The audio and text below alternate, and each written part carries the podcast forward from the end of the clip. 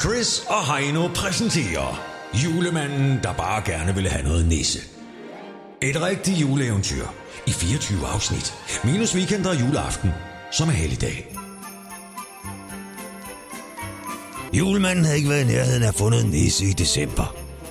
Han er frustreret nu. Han har høvlet som en sindssyg.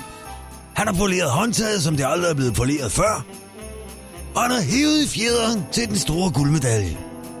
Det eneste slag, han har fået, er et slag bordtennis. Og det eneste filet, han har fået, er fiskefilet. Og det er på trods af, at han gik all in og rullede den helt store medister ud til julefrokosten.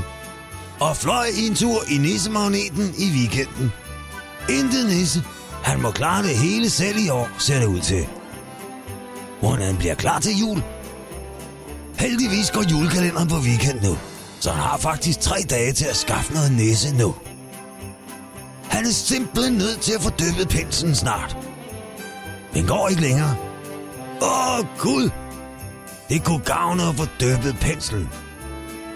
Han tænker over, hvordan han kommer i gang med at få dyppet penslen, imens han straffer den rødtude for fulde gardiner. Den rødtude får sig en ordentlig omgang. Det er Rudolf, der har spist hans mad fra køleskabet. Den skal straffes. Alle vægge er tobaksgule, og det er snart jul. Chris og Heino præsenterer Julemanden, der bare gerne ville have noget nisse. Et rigtigt juleeventyr i 24 afsnit. Minus weekend og juleaften, som er helligdag. Chris og Heino. Chris og Heino er klar til en ny dag kl. 6.30 på The Voice. Og på podcast via Radioplay.dk.